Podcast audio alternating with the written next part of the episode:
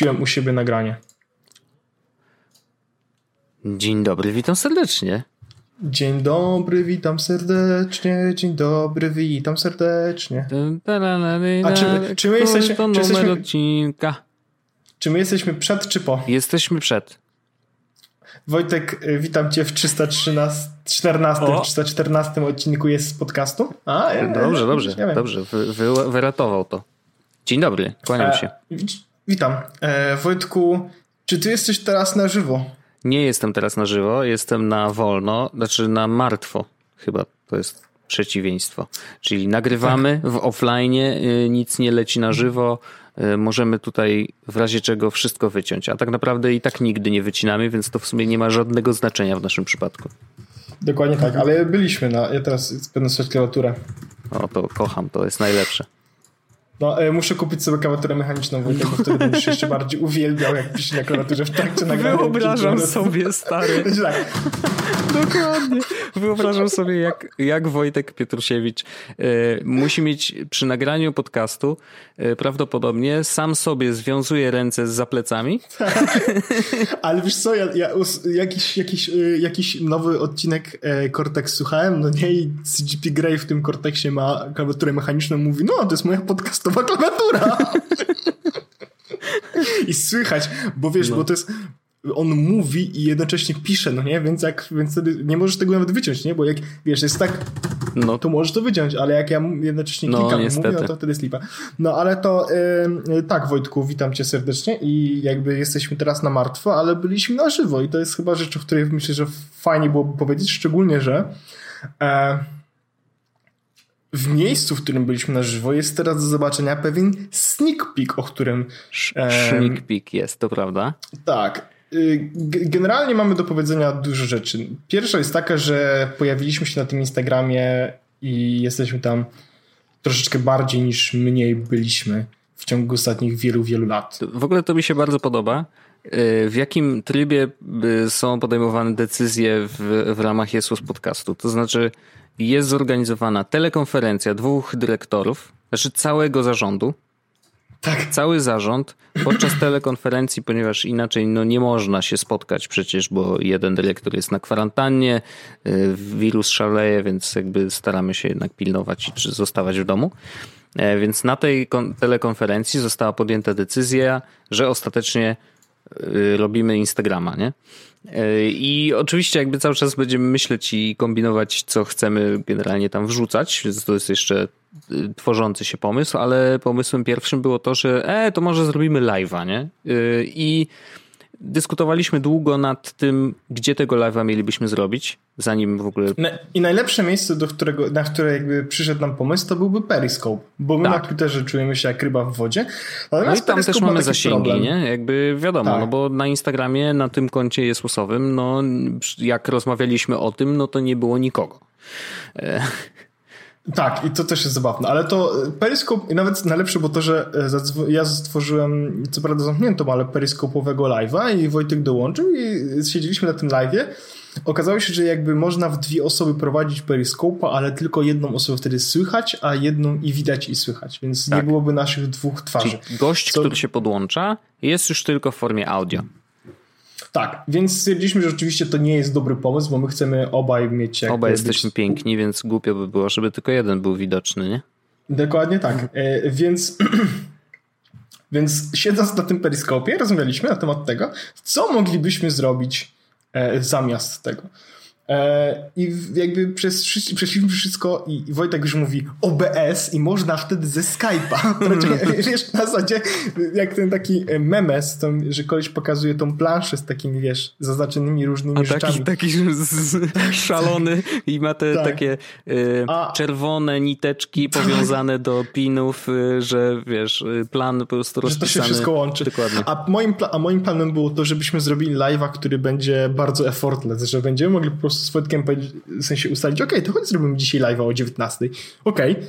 I jedyne, co musimy zrobić, żeby na tym live się pojawić, to po prostu uruchomić telefon i kliknąć w przycisk Jestem Live, nie? Jakby to było nasze założenie. I jakby jedyną aplikacją, która tak naprawdę na to nam pozwala, a właściwie były dwie takie aplikacje, to jest Facebook i Instagram. Mhm. No i nie chcieliśmy Facebooka z wiadomych względów, bo tam w ogóle nas nie ma. W sensie to jest medium w tym momencie dla mnie absolutnie jakby e, nieznajome. Ja już mhm. nie jestem na Facebooku od wielu, wielu, wielu, wielu, już chyba w tym momencie nawet już będzie parę lat. E, gdzie praktycznie dropnąłem używanie Facebooka w jakikolwiek sposób, mhm. więc a Instagram, o ile powiedzmy wszyscy się śmieją, że mnie już tam naprawdę nie ma i ja wrzuc, pobieram aplikację, wrzucam zdjęcie i usuwam aplikację, co jest prawdą, e, to, to mimo wszystko w jakiś sposób Instagram znam, to znaczy wiem, co tam się dzieje, wiem, czego się spodziewać i jak to działa i tak dalej. Wiesz, więc... tak naprawdę w ostatnim czasie to, to i tak się dużo pozmieniało od momentu, kiedy wiesz, e, byłeś starym orzechem, który wrzucał raz na jakiś czas zdjęcia, nie? Tak, to prawda. No ale teraz jest jakby, więc stwierdziliśmy, choć zrobimy sobie live'a na Instagramie, tylko że na Instagramie to jakby stwierdziliśmy, okej, okay, dobra, mamy zrobić prywatny kontakt, no lepiej chyba zrobić na Jesus Podcastu. Mm. A na Jesus Podcast obserwuje 20 osób. No tak. No, no. I, i to było ciekawe, bo zrobiliśmy sobie test, takie testowe w ogóle e, wideo na, na Jesus Podcastowym mm, live'ie, Instagramie. I ktoś rzucił informację na kanał na Telegramie. My stwierdziliśmy, ok, dobra, to robimy to. I w ciągu pięciu godzin przybyło nam prawie 200 followersów, tak, na, do tego kanału. Oglądało nas chyba 70 osób ostatecznie o godzinie 19, kiedy robiliśmy tego live'a. I to było całkiem fajne, w ogóle całkiem fajny experience był robienia tego live'a. Ja ty, ty miałeś pewno inny, bo ja zarządzałem tym live'em, no tak, powiedzmy, tak, gdzie tak. wybierałem ja byłem ten, tylko gościem. Musiałem, więc ja musiałem się zastanawiać, co, co robić i tak dalej. Natomiast e, no, to, to, to było zabawne i, i fajne, że mogliśmy z ludźmi porozmawiać. Fajna jest tam ta, ta akcja, że możesz zrobić te QA. Mhm. I naprawdę jestem pod wrażeniem, jak dobrze to jest zrobione w tym Instagramie. No i stwierdziliśmy też, że no dobra, skoro zrobiliśmy live na Instagramie, to warto było, żebyśmy na tym Instagramie też byli. Tak. Więc już nie do końca wiemy, jak będziemy, ale myślę, że w jakiś sposób pewno będziemy. Ja na przykład mam Instagram z tym kontem włączone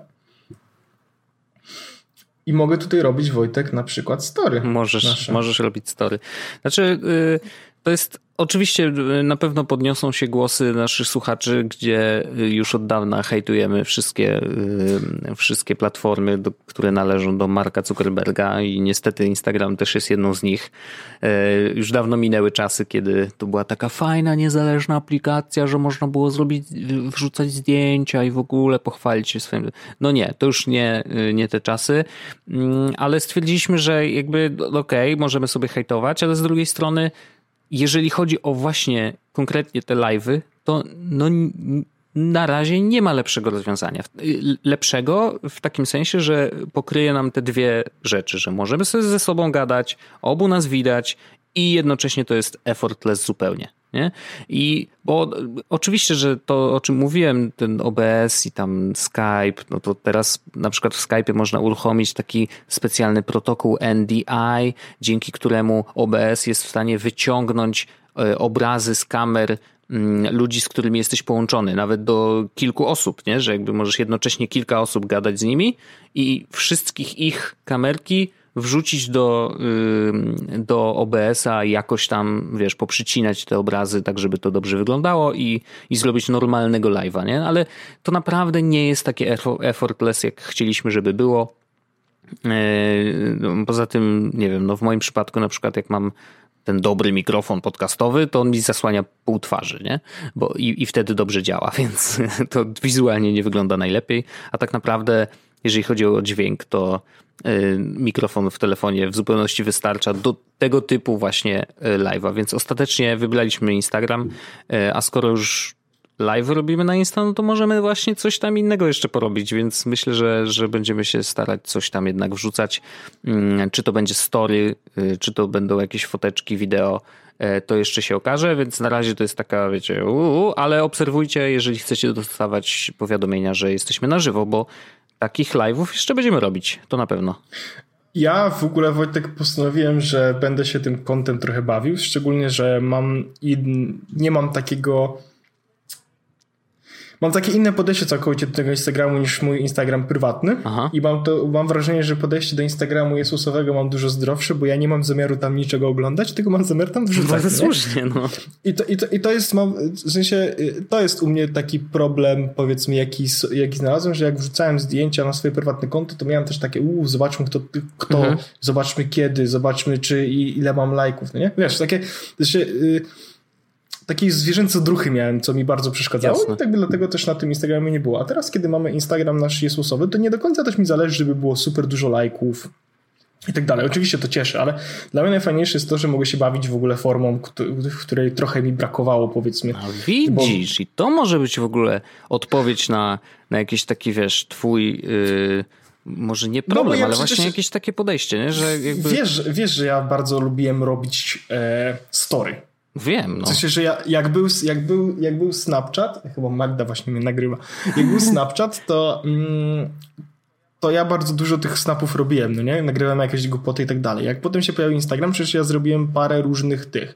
Ale po prostu stwierdziłem, że nie chcę na moim koncie, bo ja mam takie wrażenie, że to jest, że to...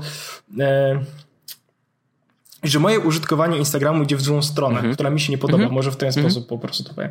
A teraz jak jest konto Jesus Podcastu na Instagramie, to ono jest jakby... Takie czyste, e, świeże. Czy, tak, i nie ma zupełnie takich konotacji, że siedzę na... Wiesz, obserwuję tylko dwie osoby, ciebie i mnie, no nie? Na, na, na tym. Świetne konto. Więc, więc mam jakby bezpieczną, e, bezpieczne rzeczy obserwuję, no nie?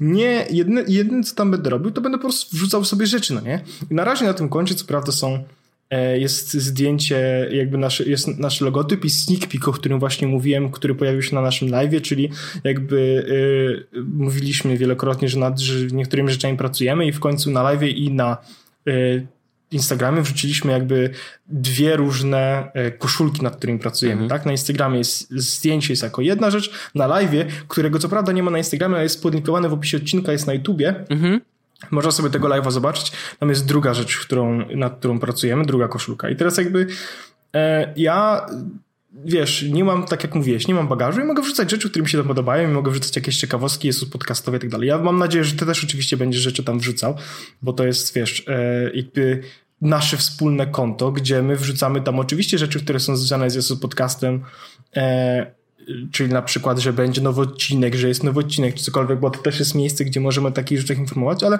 wiesz, no, e, że coś nagrywamy, możemy wrzucić, możemy wrzucić zdjęcie czegoś związanego z podcastem. Ja ostatnio sobie myślałem, że e, mogę odkopać zdjęcie moje sprzed 6 czy 5 lat z mikrofonem właśnie tym samym drogą, na którym teraz też nagrywam. Jak w ogóle nie wyglądałem, to ja na zasadzie, wiesz, throwback Thursday, mm -hmm. nie? Więc myślę, że to konto na Instagramie może mieć potencjał do tego, żeby to było takie fajne miejsce, gdzie możemy sobie w formie wizualnej coś pokazać, no nie? E, więc, e, więc tak, bardzo mi się to podoba i nie chcę jakby, i, i chcę korzystać tylko z tego konta i bardzo mi się podoba, że ono jest i mogę teraz dać, upuścić wozę fantazji mojej i tą moją iskrę, wyrwę kreatywną w stolicach pokazać. Nie? A nie, ale jakby co... kreatywną, piękne to jest. A nie, ja, ja zrobiłem właśnie teraz story 4 minuty temu, wrzuciłem na przykład, że nagrywamy Jezus podcast, nie? I wiesz, jakby to jest, że y, jest oczywiście y, jak to się mówi w agencjach reklamowych, jest click to action, bo jest pytanie. Nagrywamy, czy jest radość i może znaczyć, jak bardzo jest radość. Wiesz, to jest śmieszne, ale mnie to zawsze bawiło, nie? I lubiłem takie rzeczy, takie rzeczy robić. No to Więc, super. No. Znaczy, jakby to, to jest w ogóle bardzo ciekawe. Y, Oni no, mają super na przykład mechanizm do tego, żeby robić Q&A, Wojtek, w storiesach. A to wiem, to, to, to znam oczywiście, bo moja żona jakby korzysta non-stop. E... Swoją drogą chciałem powiedzieć, że twoja żona, e, to, że robi te live'y, to to było też trochę rzecz, która mnie trochę, że tak powiem, pchnęła do tego, żeby to Znaczy w e, ogóle, zrobić. właśnie wychodząc trochę z tego naszego świadka, e, to w ogóle jest w tej chwili, no ze względu na to, że wszyscy siedzą w domu, ci, którzy mogą i nie muszą wychodzić, mam nadzieję, że ci właśnie siedzą w domu, E, I faktycznie jest w y, jakby społeczeństwie y, taki push, jeżeli chodzi o live w ogóle, różnego rodzaju. Na Instagramie to się objawiło E, tak zaczęło narastać tak w ostatnich dwóch tygodniach dość intensywnie i na przykład mm, tak, Arlena transmituje chyba dwa razy w tygodniu teraz. E, na pewno Paulina Mówiąc Inaczej też transmituje mm, częściej niż do tej pory. E, gwiazdy transmitują, gwiazdy mówię takie wiesz, show biznesu transmitują. Na przykład wczoraj, stary, myślałem, że skisnę, jeszcze ci tego nie wysyłałem, ale wczoraj e, transmitował na żywo na Instagramie Wiz Khalifa. Nie?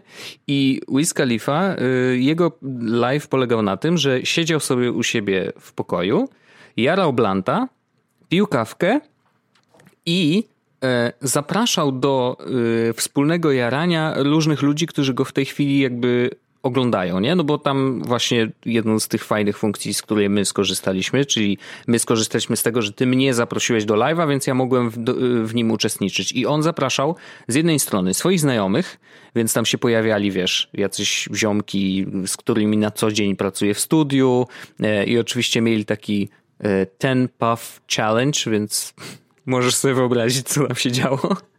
Ale śmieszne było to, że wiesz, jakby mm, e, na przykład połączył się ze swoją mamą, nie?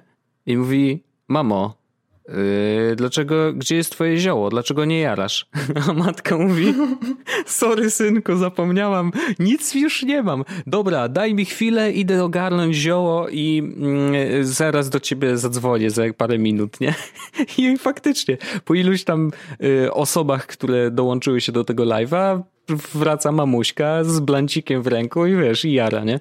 Jakby to było oczywiście śmieszne, ale to było, śmiesznie było to obserwować, że mm, wiesz, no, światowego formatu gwiazda gdzieś tam y, siedzi sobie u siebie w domku y, i robi coś wspólnego dla ludzi, nie? Że jakby wszyscy czują się tego częścią i to jest trochę siła w ogóle live'ów jako takich, to niekoniecznie muszą być live'y na Instagramie, ale że nagle tworzy się jakiś event, którego możesz być częścią, niezależnie od tego, czy jesteś na żywo razem z prowadzącym, powiedzmy, czy po prostu siedzisz sobie w domu, piszesz te komentarze, e, bo, e, no bo spędzasz w ten sposób czas, nie?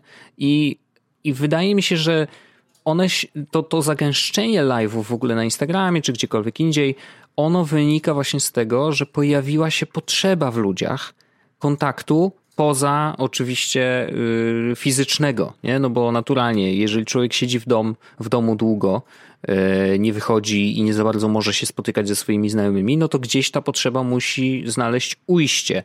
Y, my na przykład ze sobą, mm, ty na kwarantannie, ale zdarza nam się teraz na przykład dużo częściej rozmawiać w formie wideo lub audio, niż pisać do siebie, bo y, no jednak y, mamy taką możliwość to raz, dwa, nie ma y, różnicy godzin, to jest też bardzo pomaga. Jak... To prawda, to jest zabawne, ale godzina, ta godzina naprawdę czasami potrafi rozbić. No bo to czasem jest tak, że wiesz, to ja, ja na przykład, nie wiem, y, ja już wróciłem do domu z pracy, chcę coś cię zapytać, a ty nadal przecież jeszcze pracujesz przez godzinę, nie? Więc to takie śmieszne, śmieszne były sytuacje do tej przez, pory. Przez półtorej, przez półtorej, półtorej godziny. Bo, bo... No tak, bo ty masz jeszcze o, o pół godziny tam dalej. E, no ale właśnie, wiesz, to, to, śmieję się, ale ewidentnie ludzie potrzebują tego typu kontaktu, a to, że to jest na żywo, sprawia, że faktycznie w ogóle już się czujesz częścią tego całego eventu, dzięki czemu no, pojawia się pole do tego, żeby takich rzeczy było więcej. I myślę, że my też po prostu nie wiem, z jakiegoś powodu chcemy być częścią tego całego świata i, i też uruchamiając Instagrama, myślę, że i to, to jest takie dopisywanie trochę teorii, ale wydaje mi się, że nie mniej istotnej. To znaczy, że nagle nasz podcast może stać się bardziej wizualny. Wiesz o co chodzi? Że do tej pory mhm. my oczywiście mamy forum, mamy y, czat na Telegramie, mamy bardzo wiele elementów, które albo są pisane, albo są w formie audio tylko. Nie? I to oczywiście, że jest w tym piękno i tak dalej. Natomiast jeżeli możemy dołożyć do tego całego miksu naszego jeszcze coś wizualnego i pokombinować pobawić się tym, a lubimy się bawić rzeczami, e, no to myślę, że chyba tylko lepiej, nie? Zdecydowanie, zdecydowanie Wojtek. Ja w ogóle naprawdę bardzo uważam, że to może być fajna rzecz i trzymajcie kciuki, żeby, żeby to się nam nie znudziło. Mam nadzieję, że się nie znudzi, szczególnie, że to jest, to jest bardzo, mimo wszystko tak wiesz, no dużo można w tym medium, zro, medium no można, zrobić. No. Trochę, ja, ja się czuję jakbyśmy się trochę poddali yy, Instagramowi, w takim sensie, że wiesz, yy, trzymał nas w szachu i mówimy, mhm. dobra, pas, nie? Jakby, okej, okay, wygrałeś jednak, bo prawda jest taka, że niestety, ale jest tam dużo bardzo dobrze zrobionych rzeczy i, i, i rzeczy, które dobrze działają. Te live'y naprawdę działają świetnie. No nie można im tego odmówić. Zresztą od zawsze yy, kompresja na przykład wideo na Instagramie była bardzo do, dobrej jakości i, i ta transmisja na żywo, czy story właśnie, yy, one są po prostu bardzo dobrej jakości. No nie da się tego ukryć. Na y, Snapchacie było dużo gorzej na przykład. Za, na Snapchacie zawsze było dużo no. gorzej. No. Więc y, no szacun, znaczy okej, okay, Instagram wygrałeś, więc jeżeli wy chcecie być częścią tej przygody naszej, chociaż ona się dopiero zaczyna, e, to zapraszamy oczywiście, jest Podcast na Instagramie też jest i Właśnie, coś się tam zacznie wreszcie dziać. Um, to jest jedna rzecz, ale faktycznie, no Wiz Khalifa, jak mi się przypomina jego live z wczoraj, e, a dlatego w ogóle na niego trafiłem, że Mark Rebillet, którego kocham całym serduszkiem, e, był częścią tego live'a, bo zgłosił się, że chce wziąć udział w tym live'ie i Wiz Khalifa mówi, o Mark Rebillet, nie? Tam klika i Mark oczywiście z wielkim bongosem mówi się, mano, jestem gotowy. I wiesz, no było to śmieszne, no jakby śmieszny event, fajnie, że to się w ogóle wydarzyło i, e, i ciekawe, ciekawe jak, jak niektórzy z tego korzystają. Ale właśnie... Jestem gotowy. Jestem gotowy, no to bardzo dobre. Ale właśnie oprócz live'ów e, jakby znani nam gwiazdorzy też zaczynają robić różnego rodzaju projekty z domu. E, I nie wiem, czy śledzisz na bieżąco mm, amerykańskie na przykład talk showy, które teraz robione są faktycznie z tak. domu w ogóle tych prowadzących. E, e, co jest jakby no, pokazuje, że A da się, B to jest na pewno dużo tańsze, C nikomu to nie przeszkadza wiesz co chodzi, że jakby ty i tak to będziesz oglądał, bo ci się podoba ten prowadzący, bo to jest fajne, bo on jest śmieszny i tak dalej, i tak dalej. John Krasinski na przykład uruchomił... Yy, John Krasiński. John Krasiński, nasz ziomuś, no. Yy, Polak, no jeden z naszych. Nas no. jeden G, Jim Jimmy. Ja zawsze na niego mówię Jim, yy, jak widzę go na ekranie. Nawet w Quiet Place się śmiałem z niego, ale nie powinienem. Mm, natomiast uruchomił swój program na YouTubie. nazywa się Some Good News, dobrze pamiętam? tak. E, I dałem suba. Jeszcze nie obejrzałem pierwszego odcinka, ale ty, ty oglądałeś bardzo i dobre. dobre to jest? Bardzo dobre. Bardzo dobre, bardzo zabawne i, i fajnie się to ogląda. Yy, prawie się wzruszyłem. O, nawet? Wow, okej, okay. to tego się bym nie spodziewał. Myślałem, że po prostu tylko śmieszki. Nie, bardzo fajne, naprawdę bardzo fajne. Jak sobie włączysz, to zobaczysz, że jest naprawdę bardzo, bardzo takie sympatyczne. No i widzisz, to też jest robione na taki jakby sposób bardzo chałupniczy, nie? Jakby tam nie ma żadnych cudów że to jest po prostu do wideo nagrane w domu i to jest, to jest super. Znaczy, że podoba mi się ten ruch w internecie, że nagle niekoniecznie potrzebne są te wszystkie reflektory, wypasione studia, zajebisty dźwięk. Yy, bo to jest, to jest trochę. Kontent się sam obroni, nie? Trochę w ten tak, sposób. Tak, zawsze tak twierdziłem i, i to jest trochę potwierdzenie jakby mojego, wiesz, podejścia, że jakby niezależnie od tego, Y, jak dobrze jest coś wyprodukowane, to i tak content będzie się zawsze bronił. Jeżeli dobrze słychać, zawsze będę mówił, że audio jest ważniejsze niż wideo. Jeżeli dobrze słychać, to naprawdę to może wyglądać jak nagrywane kalkulatorem i będzie wszystko git. Naprawdę. E, I, i, i podoba mi się ten ruch, bo to, jest, to też pokazuje, że wiesz, że ten świat wielkiej kinematografii też odkrywa nowe rzeczy, nie? Że jakby ci ludzie, których znamy, lubimy, taki John Krasinski na przykład, y, oni też potrafią odnaleźć się w tym trochę naszym świecie. Takich rzeczy mniej profesjonalnych, robionych w domu. Chociaż wiesz, jak porównasz zwykłego youtubera który robi to już od wielu lat, no chociażby, nie wiem, no MKBHD może nie jest najlepszym przykładem, bo to ziomuś, kurna, wiesz, super crispy i wszystko kręcimy w 8K, bo jesteśmy pojebani.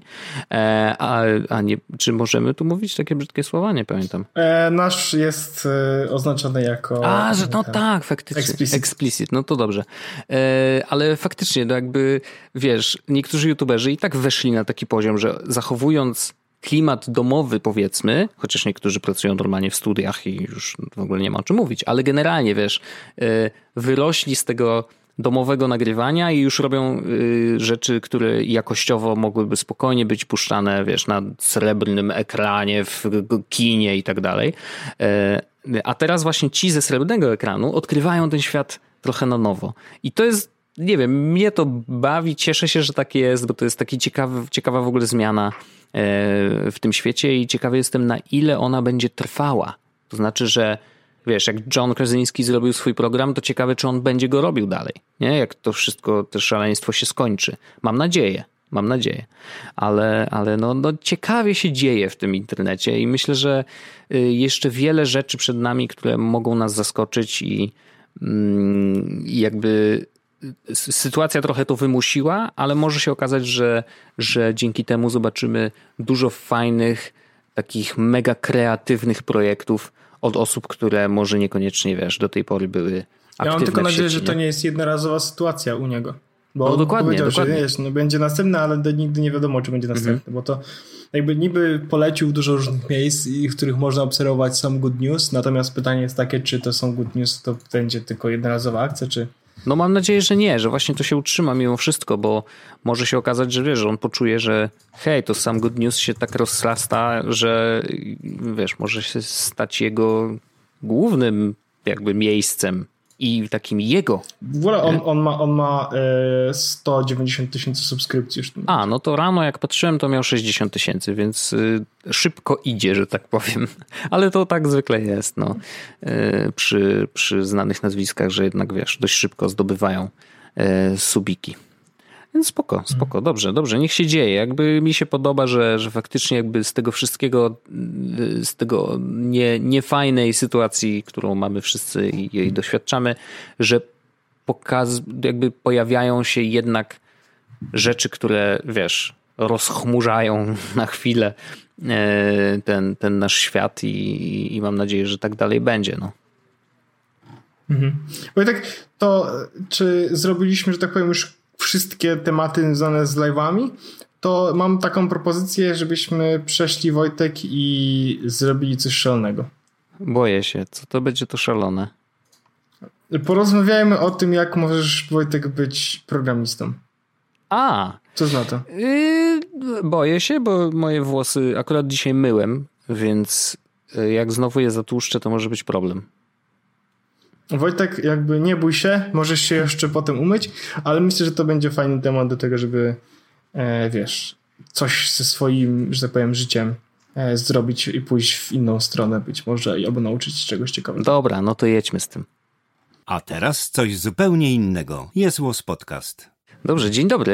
Y, dzisiaj wyjątkowo, to coś ostatnio, ostatnie odcinki mamy takie, że, że faktycznie zdarzają się y, bardziej wyjątkowe od poprzednich, ale to dobrze, bo cały czas coś zmieniamy i jak mówiliśmy wcześniej naszym słuchaczom też mówiliśmy, że no będziemy trochę eksperymentować.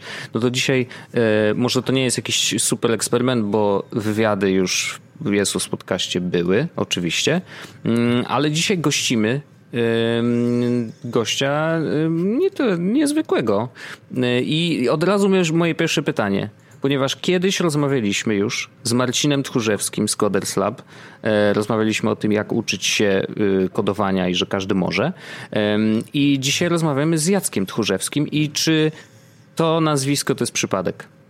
Nie, my jesteśmy braćmi. E, razem założyliśmy Coders Lab 7 e, lat temu jako właśnie taki na początku rodzinny biznes, teraz to już się troszeczkę rozrosło ponad to, ale od zawsze my z Marcinem dosyć blisko siebie żyliśmy i dosyć dużo się e, wspomagaliśmy we swoich pomysłach, a więc jak najbardziej nie jest przypadkowe. No i super, to bardzo, to, to, bardzo dobrze, bo dobrze mieć takiego brata. Ja nigdy nie miałem brata, więc y, nie wiem jak to jest, ale, ale ludzie mówią, że tak, że to wsparcie zawsze, jeżeli się dogaduje rodzeństwo, to jest bardzo, bardzo spoko, więc fajnie. E, a dzisiaj rozmawiamy nieprzypadkowo, bo mm, w ostatnim czasie bardzo dużo się słyszy o y, e-learningu i w ogóle o tym, co się dzieje w szkołach. Dzisiaj na przykład były problemy z przeprowadzeniem próbnego egzaminu ośmioklasisty w ogóle przez internet, jakieś dramatyczne sceny się działy e, i w ogóle ten no, temat jest gorący.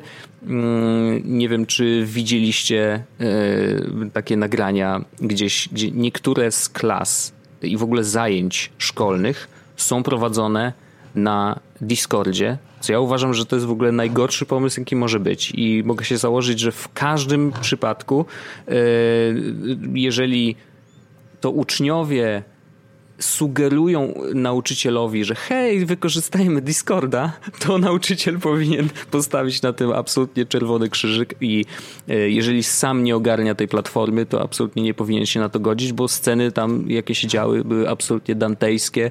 E, ludzie puszczają muzykę, podłączają boty do, do tych rozmów e, tekstowych, znaczy do tych rozmów właśnie dźwiękowych no, straszne rzeczy i po prostu nauczyciele nie, nie są w stanie sobie z tym poradzić, bo obsługa Discorda wcale nie jest taka prosta dla osoby, która przychodzi z zewnątrz i jakby jest na świeżo z platformą, nie? No, tak się, by się wydawało, że tak, no, podłączamy jednego człowieka do y, audio i oni wszyscy mogą sobie gadać, no tylko, że tam opcji jest dużo więcej, więc y, i, i ja mam takie poczucie, że no Discord oczywiście jest super platformą, ale może nie jest najlepszą platformą w ogóle do do prowadzenia lekcji, a wiem, że wy w Coders Lab macie duże doświadczenie, jeżeli chodzi w ogóle o e-learning jako taki. Jestem w ogóle ciekawy, jakie jest wasze podejście do, do tego, co robią szkoły i czy, czy wy w ogóle jakoś jesteście w to zaangażowani? Musisz o coś więcej o tym powiedzieć. Znaczy, w samo... To, co robią szkoły i teraz przerzucenie wszystkich klas na e-learning, my nie jesteśmy zaangażowani, e, głównie z tego powodu, że my jednak specjalizujemy się w nauczaniu osób dorosłych. Mhm. Na nasze kursy przychodzą osoby średnio powyżej 20 roku życia, tam u nas średnia to jest 24, 5, 6 rok życia, a trzeba wziąć pod uwagę, że nauczanie osób dorosłych i nauczanie młodzieży i dzieci to są bardzo oddzielne od siebie tematy, e, do których trzeba wykorzystywać zupełnie inne narzędzia i zupełnie inaczej przygotowane materiały. E, co więcej, u nas przychodzą na szkolenia i na, na, nasze kursy e, osoby dosyć mocno zmotywowane. Nasze kursy są dosyć drogimi kursami, e, więc też jak ktoś wydaje te 10-11 tysięcy złotych, to raczej nie po to, żeby potem wysadzać cały system od środka, podłączając boty i śmieszkując sobie na zajęciach, tylko raczej po to, żeby naprawdę się tego nauczyć ale zgodzę się tutaj z Tobą, że e, wykorzystywanie takich platform jak Discord, platform, które nie zostały stworzone po to, żeby e, wspierać e-learning, nie jest dobrym pomysłem. Właśnie z tego powodu, że bardzo łatwo na nich e, rozwalić cały tok nauczania i bardzo łatwo przeszkadzać nauczycielowi. Mhm. A miałbyś jakieś sugestie, co ewentualnie, znaczy, czy jest jakiś złoty środek, w sensie coś, co mógłbyś poradzić? Słuchajcie, jest takie narzędzie, mogą z niego korzystać nauczyciele, jest w miarę bulletproof yy, i no wiadomo, że trollowania się nie da wyciąć wszędzie, wiadomo, to jest wiesz, oczywiste, ale, ale czy jest coś, co uważasz, że sprawdziłoby się lepiej? Znaczy tak, u nas bardzo dobrze y, sprawdza się platforma Zoom. Ona ma bardzo dużo przydatnych funkcjonalności dla nauczyciela, którą no, jedną z takich rzeczy bardzo ważnych to jest możliwość wyciszenia po prostu wszystkich osób poza sobą, żeby właśnie mhm. nie było puszczania muzyki, nie było e, jakiegoś harmidru.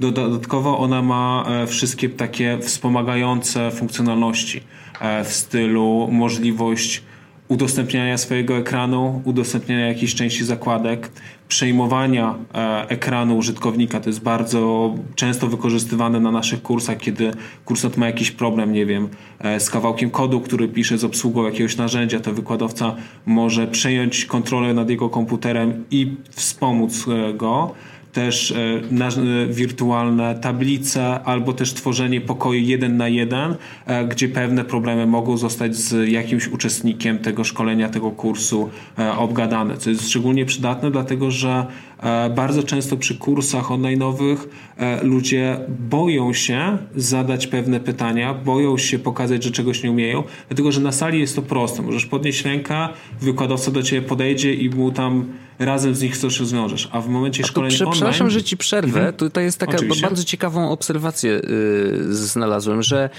yy, gdzieś yy, jakiś nauczyciel napisał, y, chyba na Twitterze, no nieważne, ale napisał właśnie odwrotną obserwację. To znaczy, że oni są w tej chwili jakby y, uczniowie i nauczycieli w ogóle obciążeni zupełnie nową y, rzeczywistością, no to jest oczywiste, ale y, właśnie akurat może w przypadku, w przypadku tego nauczyciela.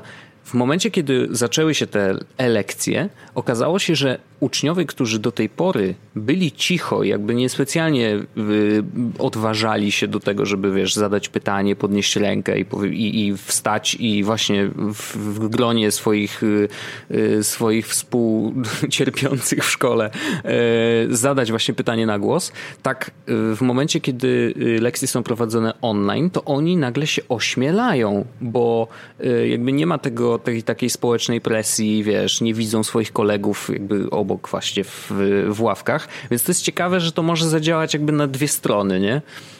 Mhm. Znaczy, my zaobserwowaliśmy z drugą strony zupełnie Aha. podejście To uczniów. może też być kwestia właśnie wieku, nie? Że jakby u was są dorośli, więc y, oni jeszcze inaczej po prostu reagują na to. E, bardzo możliwe. My po prostu zauważyliśmy, że często naszym kursantom brakuje właśnie, brakowało dopóki nie wdrożyliśmy Zooma i właśnie tych pokoi jeden na jeden, mhm. brakowało takiej możliwości pokazania, że okej, okay, nie rozumiem tego. Nasi kursanci bardzo często wstydzili się właśnie przy całej grupie, bo nie można było poprosić wykładowcy, żeby podszedł i mu coś tam po cichu wytłumaczyć e, przy swoim mhm. komputerze, że tego i tamtego nie rozumiem, tylko w momencie, kiedy każda osoba cię dobrze słyszy, każda osoba cię widzi, dlatego że my na naszych kursach to mamy też zasadę, że każda zalogowana osoba musi podpisać się, musi zalogować się swoim imieniem i nazwiskiem i musi mieć przez całe trwanie, e, cały czas trwania kursu włączoną kamerę. E, mhm. Zauważyliśmy, że jak gdyby nie wprowadzenie tych dwóch zasad bardzo łatwo właśnie rozwalało zajęcia, dlatego że wykładowca nie mógł zobaczyć, czy ktoś de facto jest przy komputerze, czy nie, albo też nie wiedział, czy wszystkie osoby są na sali, znaczy na tej wirtualnej klasie, czy nie. Mhm. I w takim momencie nasi kursanci często bali się zadać pytania, bo wszyscy te pytania dobrze słyszeli i ludzie bali się ośmieszyć, bali się pokazać, że czegoś nie rozumieją, e, ale możesz mieć rację, że to może być specyfika właśnie nauczania osób dorosłych po prostu. No tak, bo trzeba to, to wziąć pod uwagę. No, Paweł? To, to, ja, to, ja mam, to ja mam takie pytanie, bo ja oczywiście bardzo, bardzo mnie to wszystko cieszy, ale ja bym chciał przejść jeszcze tak bardzo, bardzo do samego początku. Załóżmy sobie, bo ja, jeśli mówisz, że e, większość osób, które właściwie taka średnia wieku u was to jest 26 osób, 26 lat mniej więcej, tak? Są to osoby za, zazwyczaj po studiach, e, ja teraz nie mam dokładnych danych, ale bym powiedział, że 24-28 lat to, to jest u nas e, większość kursantów to to jest większość, z tego co pamiętam, około 35% słuchających nas to jest mniej więcej właśnie w takim wieku. I teraz załóżmy sobie, że mm, mamy osobę, która jakby jest oczywiście zainteresowana nowymi technologiami i jakby całym tym e, nowoczesnym światem i tym, na co pozwala tak naprawdę, wiesz, jakby te, to, to urządzenie, które stoi na biurku pozwala jakby dos mieć dostęp do takiego nowego całkowicie świata i on chce zacząć w ogóle w jakiś sposób działać, no nie? I ja często dostaję pytania na zasadzie, jak mogę zacząć, co mogę zrobić, żeby na przykład się przebranżowić, albo wiesz, jestem zainteresowany UX-em i właściwie jakby, czy gdzie ja mogę się dowiedzieć coś więcej, no nie? No to, to jak wygląda taki, takie, jak wyglądają takie pierwsze kroki tej osoby, oprócz tego, żeby weszła oczywiście na stronę do was, to, to jak, jak to wygląda już dalej? Na zasadzie zgłosisz się, że chcesz i? To znaczy tak, my mamy e, po zgłoszeniu się naszą stronę zawsze umawiana jest rozmowa z taką osobą, która razem z Tobą przejdzie po rodzajach naszych kursów, po tym po, porozmawiać z Tobą, żeby sprawdzić, do czego Ty masz predyspozycję. Dlatego, że różne osoby mają zupełnie różne predyspozycje i tak jak powiem, ja z wykształcenia jestem programistą, ale jestem typowo osobą backendową. Umysł bardzo ścisły, ja nie do końca się odnajduję w tym, jak strona ma wyglądać, ale potrafię całą logikę aplikacji za, za, zaprogramować. Z drugiej strony mam, e, nawet współpracuję bardzo blisko z osobami, które właśnie od drugiej strony do aplikacji podchodzą. One są zainteresowane tym, żeby to wyglądało ładnie, przeklikiwało się wygodnie i było fajnie wyglądało, a, ta aplikacja, ta część serwerowa ich już mniej interesuje. Więc ta, u nas ta taki, nie chcę tego nazwać sprzedawcą, osoba, my to wewnętrznie nazywamy e, course advisor, osoba, która pomaga właśnie w wyborze kursu, przechodzi razem z taką osobą zainteresowaną. Przez jakie mamy rodzaje kursów, jakie tam są umiejętności e, potrzebne, jakie są też ścieżki rozwoju po tych kursach, dlatego że też ważne jest, żeby zrozumieć, że różne języki programowania e, będą się łączyły z różnymi ścieżkami rozwoju.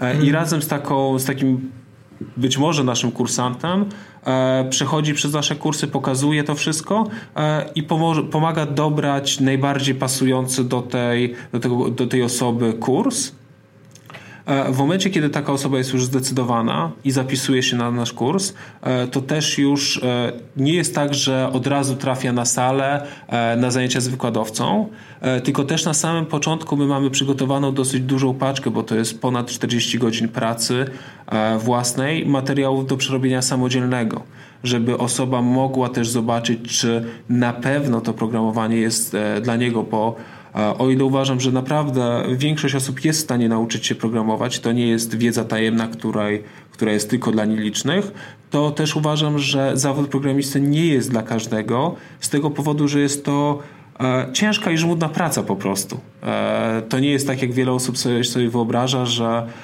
programist tylko siedzi i klika co pewien czas w jakiś klawisz, tylko to jest naprawdę trudna intelektualnie praca, wyzywająca, ale też bardzo męcząca i w wielu momentach bardzo frustrująca. No to właściwie prawdopodobnie każda, aczkolwiek y, praca programisty jest chyba jedną z Właściwie grafika może też, że jest jedną z takich prac, które wyglądają na. No siedzi tylko i klepie na tym komputerze. Na pewno gra w gry, no nie? I jakby i wyciąga z tego 50 tysięcy złotych miesięcznie. Oczywiście przesadzam. Ale to jest jedna z takich prac, które wyglądają na super łatwe i super, a są tak naprawdę super trudne, bo nikt nie mówi, że no górnik, górnik to tylko wchodzi pod ziemię, no nie? Przecież to nie jest trudne, no nie? Tylko wszyscy wiedzą, że praca górnika jest trudna, jest trudna, a przy przypadku programisty masz jakby wygląda z zewnątrz na coś łatwego, a, a takie zupełnie nie jest, więc, całkowicie to rozumiem. No dobra, i teraz ja jestem jeszcze ciekawy, bo oczywiście zauważyłem, e, że oprócz takich test, w sensie oprócz tego, że robicie kursy na programistów, to macie też e, kurs na testera oprogramowania i UX designera, co mnie oczywiście bardzo cieszy, bo ja e, z zawodu jako UX im więcej będzie nas w branży, tym, tym zawsze milej, bo, bo, to, bo to tylko dla nas dobrze. Jestem ciekawy,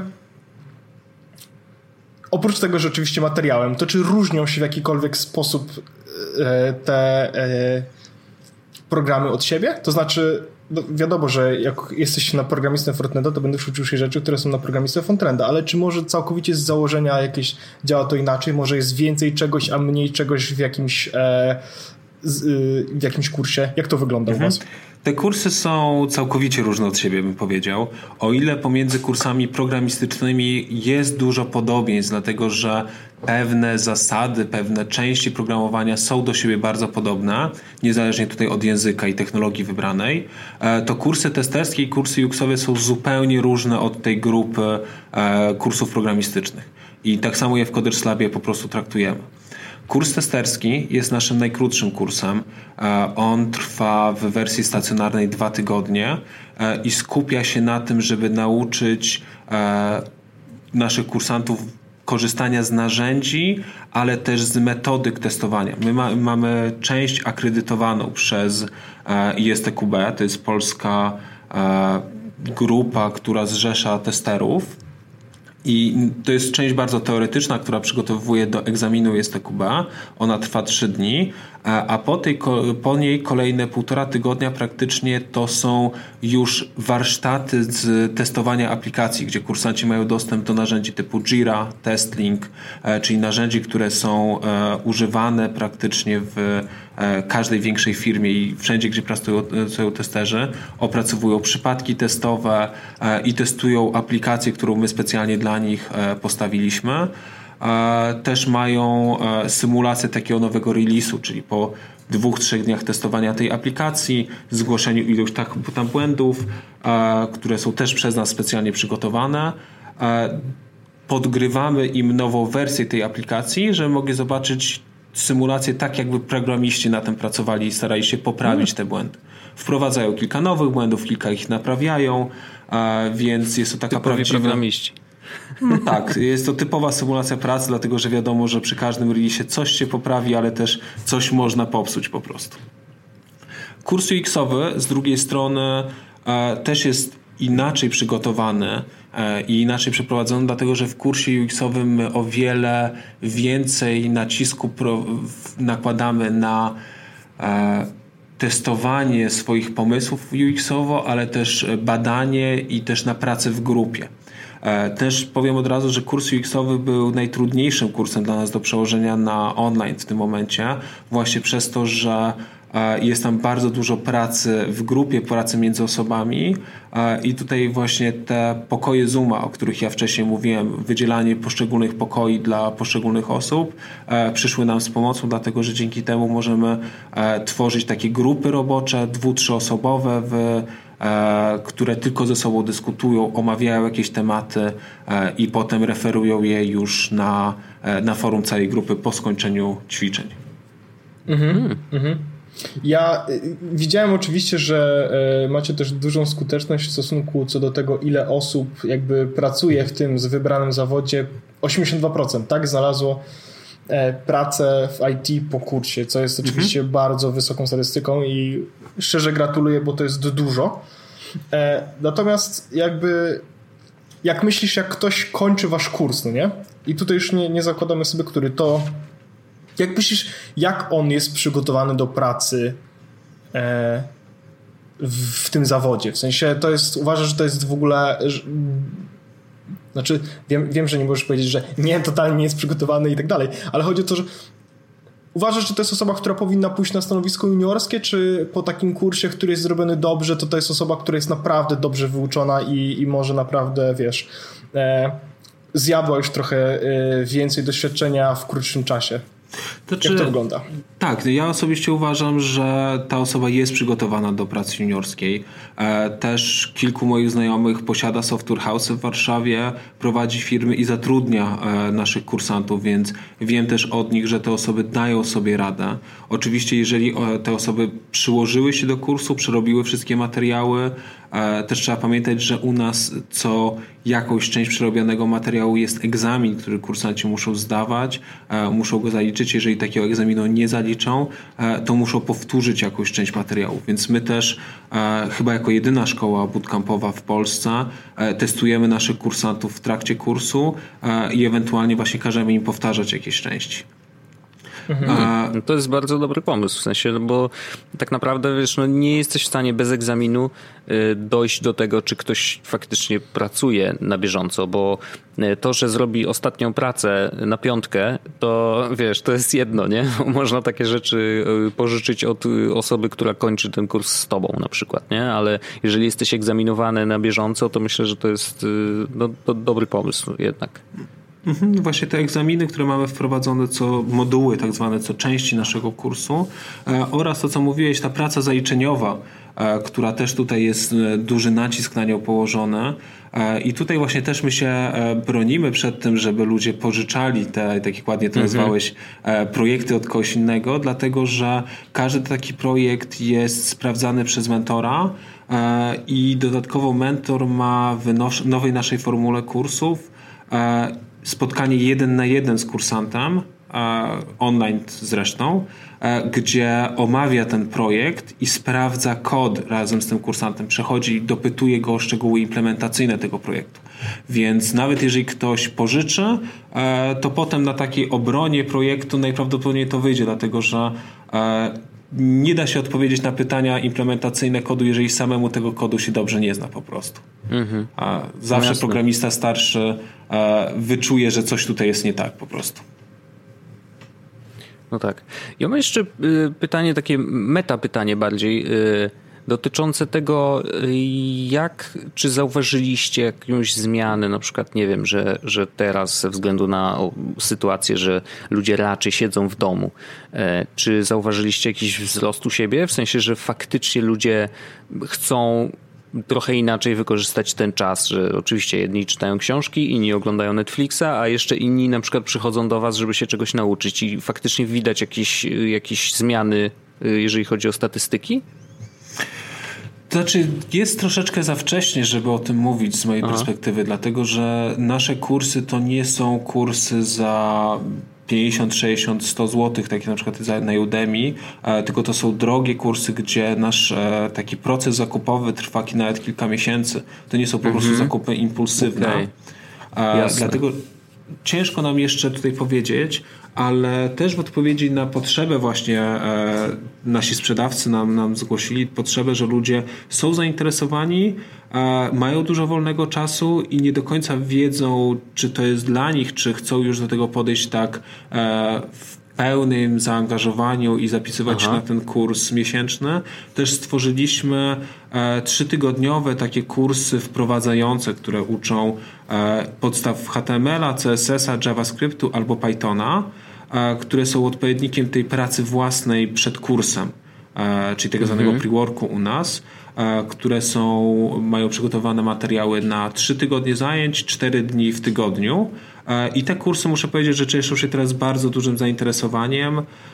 Pierwszy taki kurs właśnie rusza dzisiaj, następna edycja e, w przyszłym tygodniu, więc teraz będziemy dosyć dużo tych kursów odpalać. Mhm. Aha, bo to rzeczywiście jakby nie, nie wziąłem pod uwagę tego, że kursy zaczynają się w konkretny dzień. To nie jest tak, że po prostu kupujesz sobie dostęp do czegoś, tylko faktycznie no, tam się dzieją rzeczy e, zgodnie z jakimś harmonogramem, nie? Tak. E, zastanawialiśmy się przez długi czas nad stworzeniem takiego kursu, jak my to nazywamy fully online, czyli e, kursu, gdzie dostajesz materiały e, do przerobienia samemu, ale takie kursy są bardzo trudne do stworzenia, dlatego że e, w momencie, kiedy nie ma się narzuconego harmonogramu pracy z grupą, klasą, bardzo łatwo stracić e, zapał po prostu. Ja sam wiem, że mam e, ileś kursów na Udemy kupionych, żeby przerobić. Nigdy żadnego nie zrobiłem, nigdy żadnego nie zrobiłem. No tak, no. Też, a też mam tego kupionego dużo. Dokładnie, taka sama sytuacja. Ileś tam rozpoczętych, ileś do 50% zrobionych, a u nas w Coderstawie bardzo nam zależy na e, jakości naszego absolwenta, żeby nasz absolwent naprawdę e, mógł znaleźć tą pierwszą pracę i żeby nadawał się na tego juniora, I te kursy fully online mm, nie jesteśmy jeszcze przygotowani, żeby z nimi ruszyć, e, bo boimy się właśnie o tą jakość osób kończących te kursy. Z tego powodu wszystkie nasze kursy e, mają chociaż jakąś część zajęć z wykładowcą, gdzie ten wykładowca kontroluje na bieżąco grupę, a poza tym one nadają tempo pracy. Jak mamy zajęcia, mhm. za które zapłaciliśmy z całą grupą i z wykładowcą, no to jeżeli zaczynamy, przestajemy na nie przychodzić, to, to jesteśmy też e, przepisywani zazwyczaj do następnej grupy, nie kończymy tego kursu. A w momencie, kiedy mhm. przychodzimy na nie, to ciężko na nie przyjść nieprzygotowanym, dlatego że e, działa taka trochę psychologia tłumu, że e, jednak nie chcę pokazać tego, że przed resztą grupy, że czegoś nie potrafię, że czegoś nie umiem. No tak, to jest, to jest ciekawe. Bo tak myślę o tych szkołach nieszczęsnych, od których zaczęliśmy. Yy, znaczy nieszczęsnych, to, to właśnie, bardziej myślę to, o sytuacji. To właśnie, to właśnie, właśnie... Przy, przy, przy, no? tej szkole, Wojtek, bo ja teraz takie też mam meta pytanie. A czy no. ty czujesz się jak dyrektor szkoły w tym momencie? Czy, czy, masz, czy, czy jest takie poczucie, bo to, bo to mnie zastanawia, no nie? Bo jak gdybym miał, gdybym ja na przykład prowadził jakieś, yy, inaczej, prowadziłem kiedyś szkolenia, to czułem się trochę jak nauczyciel, mimo tego, że oczywiście absolutnie nauczycielem nie jestem. Ale czy ty czujesz się jak dyrektor szkoły? Masz takie poczucie jak Wiesz co, mm, ciężko mi odpowiedzieć na to pytanie, dlatego że nie wiem do końca, jak się czuje dyrektor szkoły. Po prostu. A, czuję jak to się masz władzę, wiesz, masz klucze tak. do szatni i tak dalej. Jak możesz chodzić po, po szkole i zabierać ludziom telefony, jeśli korzystają z nich e, na przerwie. To tak, to, to, to, się nie czuję, szczerze mówiąc. Czuję się po prostu jak e, typowy przedsiębiorca, który próbuje stworzyć jak najlepszy produkt e, i trafić do jak największej grona odbiorców. I ja osobiście skupiam się na tym, żeby nasze produkty jakościowo były najlepsze, żeby nasze kursy były na bieżąco ze wszystkimi technologiami, ale też no, pracuję z wykładowcami, pracuję z naszymi mentorami, żeby. Dlatego może ja się bardziej czuję jak taki trener dla, dla, trenerów, dlatego że największym wyzwaniem w tej szkole to jest właśnie przygotowanie ludzi dla e, wykładania w niej. Dlatego, że e, mhm. mamy w Polsce bardzo dużo bardzo dobrych programistów, którzy są e, bardzo dobrymi inżynierami, rzemieślnikami, ale w naszej edukacji tych osób technicznych zawsze brakowało aspektu miękkiego. Ja sam kończyłem Politechnikę Warszawską, Wydział Matematyki i Nauk Informacyjnych. O ile byliśmy świetnie przygotowani z rzemiosła, to wszystkie umiejętności miękkie jak gdyby były odłożone daleko na półkę i zapomniane. I to jest problem, z którym w Coders borykamy się od samego początku, że mamy dobrych programistów, ale bardzo często tym ludziom, szczególnie na początku swojej kariery jako e, wykładowcy, brakuje rzemiosła wykładania i tego, jak powinni uczyć.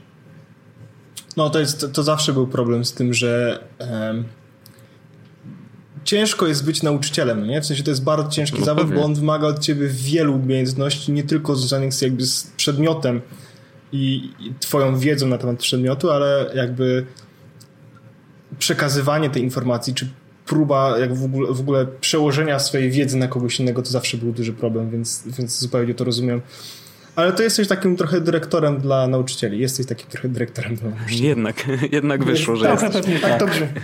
tak to trochę Jacku, brzmi. No. bo wspomniałeś o tym, że mm, jednym z twoich zadań jest um, upewnianie się, że jakby wasze rozwiązania są up to date, jeżeli chodzi o też technologiczne możliwości no, obecne, tak? Jakby to, co się zmienia e, w, w, naszych nowych technologiach. I jestem ciekawy, e, jakieś ostatnie doświadczenie twoje, nie wiem, jakaś ostatnia duża zmiana, którą wprowadzaliście. Co się stało? Znaczy, z jakiego narzędzia na przykład zaczęliście korzystać w ostatnim czasie, które sprawiło, że faktycznie weszliście na ten level wyżej?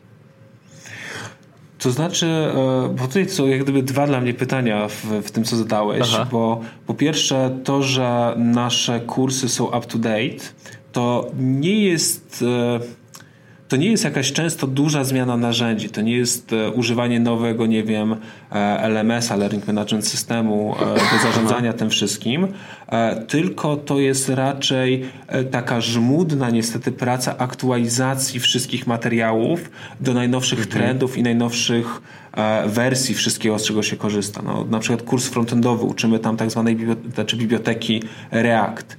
Ta biblioteka co kilka miesięcy wychodzi jej nowa wersja, gdzie no są tak. wprowadzane zmiany, gdzie są e, nowe technologie wprowadzane, nowe rzeczy, stare są e, uznawane za już nie deprecated, nie wiem jak to po polsku ładnie nazwać, ale przestarzałe. E, mhm. No i my musimy na bieżąco cały czas aktualizować nasze materiały, żeby nie uczyć rzeczy, które nie są już w tym danym momencie wykorzystywane na rynku. Więc tutaj nie ma nowej rzeczy, którą w, nie wiem, w ciągu ostatnich kilku miesięcy wprowadziliśmy, mhm. a, która całkowicie by zmieniała kurs. A, raczej jest to taka żmudna, mozolna praca, żeby to wszystko zawsze było a, na naj, najwyższej jakości i uczo, żeby kursanci uczyli się tych najnowszych technologii. Z okay, drugiej spoko. strony my cały czas zmieniamy znaczy może nie cały czas. My ostatnio pracujemy nad taką bardzo dużą zmianą w sposobie u nas nauczania, dlatego że do tej pory e, nasze kursy były podzielone na pięciodniowe moduły, e, które zawsze kończyły się egzaminem, warsztatami, no i potem następował następny moduł. W tym momencie analizując na problemy naszych kursantów, naszych wykładowców, tutaj do tej zmiany przygotowywaliśmy się ponad rok, zmieniamy całkowicie formę naszych kursów. Wprowadzamy więcej właśnie pracy online, wprowadzamy więcej przerw, dlatego że wielu kursantów, szczególnie na kursach stacjonarnych, które trwają od poniedziałku do piątku, mówiły, mówili, że za ciężki, e, te kursy są trochę dla nich za ciężkie, ilość tej nauki ich w pewnym momencie przytłacza, e, ale mhm. też zaczynamy e, wdrażać taką moją jedną z ulubionych idei w nauczaniu, czyli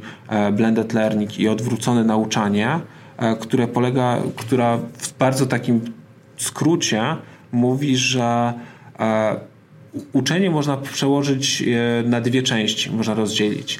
E, taką pasywną naukę tak zwaną i aktywną. Pasywna nauka to jest moment, kiedy kursant e, siedzi i słucha wykładowcy, przyjmuje jakąś część wiedzy teoretycznej. E, I to można robić tak jak my do tej pory właśnie na zajęciach z wykładowcą, ale można też robić w postaci filmów nagranych wcześniej, artykułów do przeczytania, E, części, gdzie kursant musi po prostu sam tą wiedzę w jakiś sposób przyjąć e, i mhm. część aktywną, czyli moment, kiedy kursant rozwiązuje jakieś ćwiczenia, już mierzy się z jakimiś problemami e, i bardzo chcemy zmniejszyć w pracy z wykładowcą część tą pasywną, żeby kursanci wieczorem w domu przeczytali artykuły, sami weszli w tą część teoretyczną, a zwiększyć nacisk na tą część E, aktywną, gdzie kursant rozwiązuje zadania, gdzie ten wykładowca jest naprawdę potrzebny, bo dlatego, że jeżeli ktoś chce, to artykuł przeczyta. To jak gdyby tutaj nie ma możliwości się zablokowania. Może, mhm. Nie da się nie potrafić obejrzeć filmu. Można jakieś części z tego nie zrozumieć i następnego dnia zadać te pytania wykładowcy, żeby on objaśnił, lepiej wyjaśnił tą część. E, Problem zaczyna się, jeżeli robimy ćwiczenia i tutaj bardzo łatwo, szczególnie na początku w nauce programowania, zablokować się na czymś. Nie działa nam ten program tak, jak chcemy, e, nie potrafimy tego napisać, rozwiązać e, i tutaj często, choćbyśmy siedzieli 5-10 godzin, to samemu nie wymyślimy rozwiązania. Tutaj właśnie bardzo jest potrzebna ta osoba z doświadczeniem, ten wykładowca, który może podejść i wskazać na błąd, który zrobiliśmy, albo naprowadzić nas w tą stronę, w którą powinniśmy e, iść, żeby rozwiązać ten problem.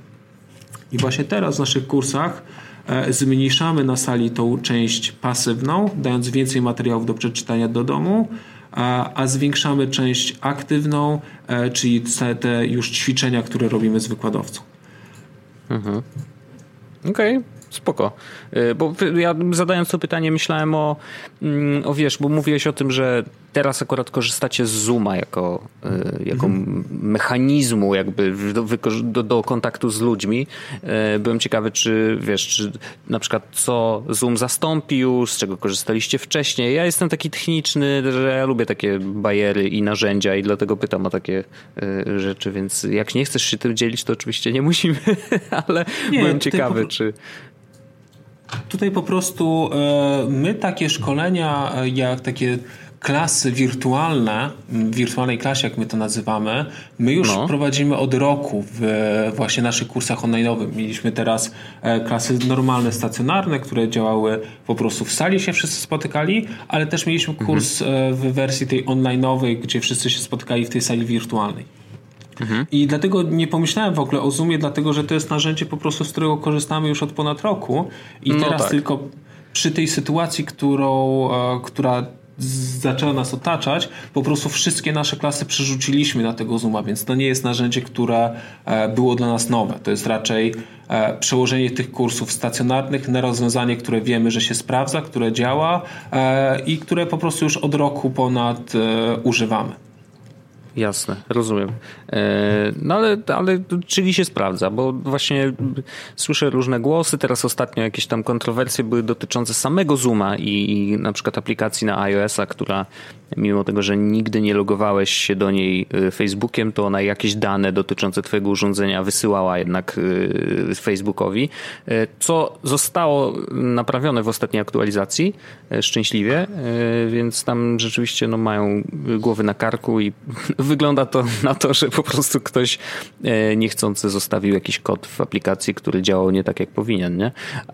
Ale, ale tak, no generalnie słyszę, że, że jednak Zoom jest, jest dobrym rozwiązaniem właśnie do tego typu zastosowań, jak najbardziej. Także do spotkań y, takich normalnych w pracy, do telekonferencji i tak dalej, ale, y, ale tak, no, walczą z nim Microsoft Teams jeszcze, co tam, no, Skype ewentualnie, chociaż też raczej mniej, bo nie masz tylu możliwości właśnie kontroli nad tym, co widzimy, mm, więc wydaje się, że właśnie Zoom wychodzi na takiego zwycięzcę tej całej stawki. Tak, my z niego korzystamy, jesteśmy bardzo zadowoleni. Pod, dla naszych potrzeb on spełnia wszystko, co potrzebujemy. Pamiętam, że rok temu, jak zaczynaliśmy te wirtualne klasy, sprawdzaliśmy jeszcze jakieś inne rozwiązania, mhm. ale już teraz na ten, na ten dzień nie pamiętam, co testowaliśmy. Wiem, że od początku właśnie wybraliśmy Zoom i się tutaj trzymamy, dlatego że nie mamy z nim żadnych większych problemów. Mhm. Okej, okay, spoko, spoko. Orzeszku, czy ty ja masz mam, jeszcze jakieś pytanie? Ja mam, tak, ja mam jeszcze, ja mam jeszcze jedno, jedno pytanie. E, I to jest takie pytanie.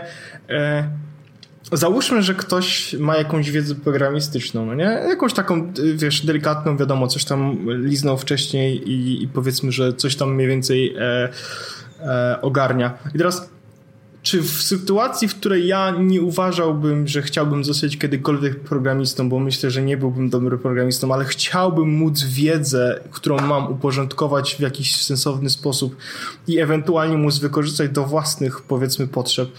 Czy to jest też kurs dla mnie w takim wypadku?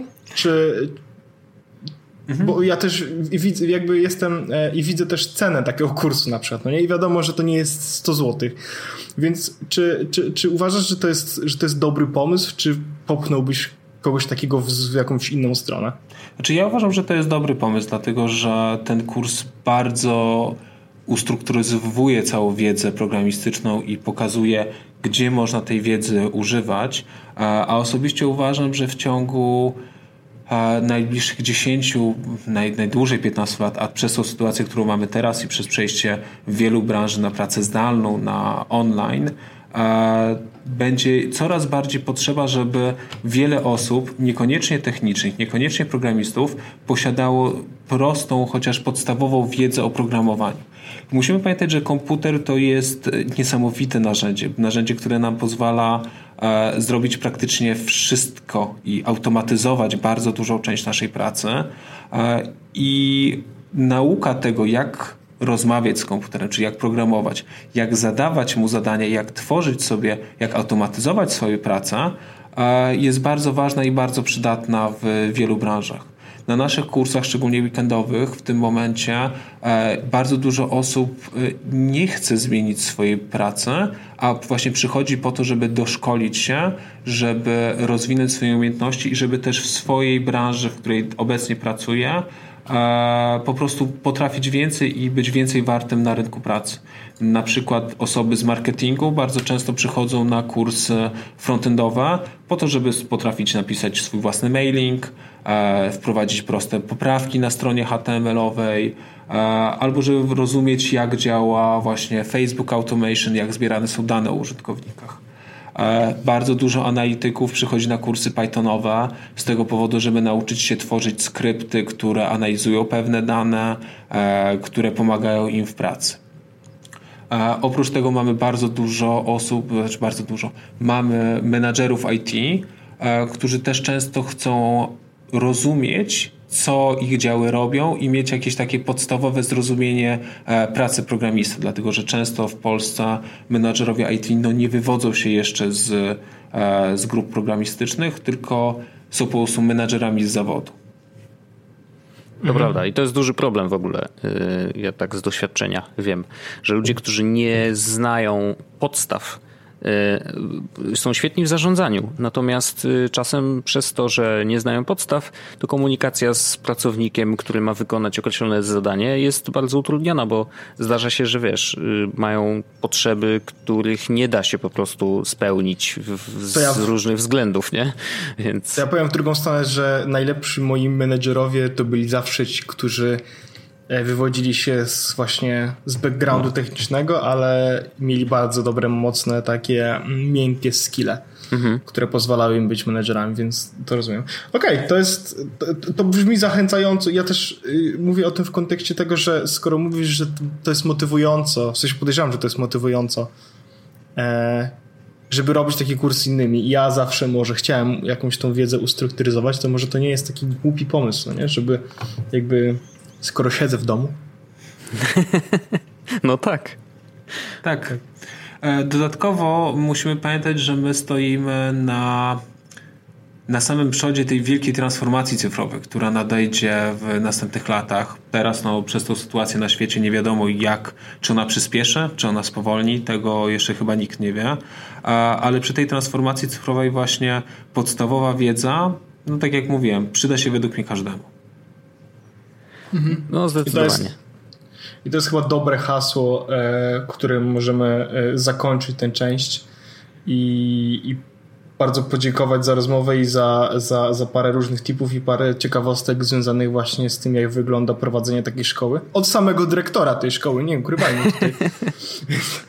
e, no, brzmi to dobrze. Oczywiście link do, link do, do, do Coders Labu jest w opisie odcinka, więc jak ktoś jakby czuje taką potrzebę, żeby może zmienić branżę albo jakoś swoje umiejętności e, przy, poprawić, to, to, to jest zdecydowanie miejsce, e, w którym warto. Szczególnie, że ja widzę w ogóle, że macie tam, e, że jednym z gdzie to jest? Z wykładowców jest w ogóle Benjamin Richter, którego znamy. A, znamy. Pozdrawiamy. Tak, jest to jeden z moich pracowników i jedna z os znaczy osoba odpowiedzialna za kursy frontendowe u nas całkowicie. No proszę. Czyli Mały ten świat. Czyli jakbym szedł się uczyć frontendu, to wiem, kto byłby moim nauczycielem.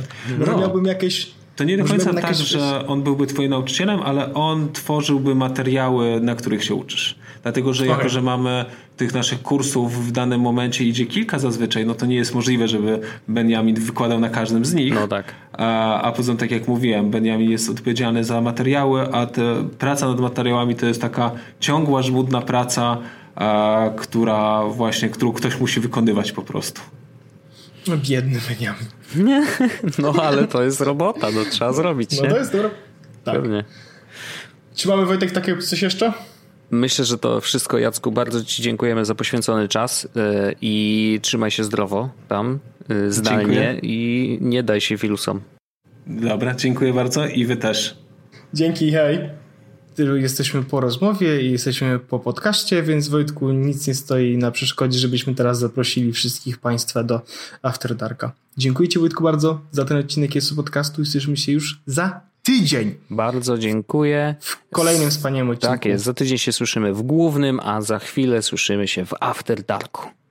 Elo. Elo.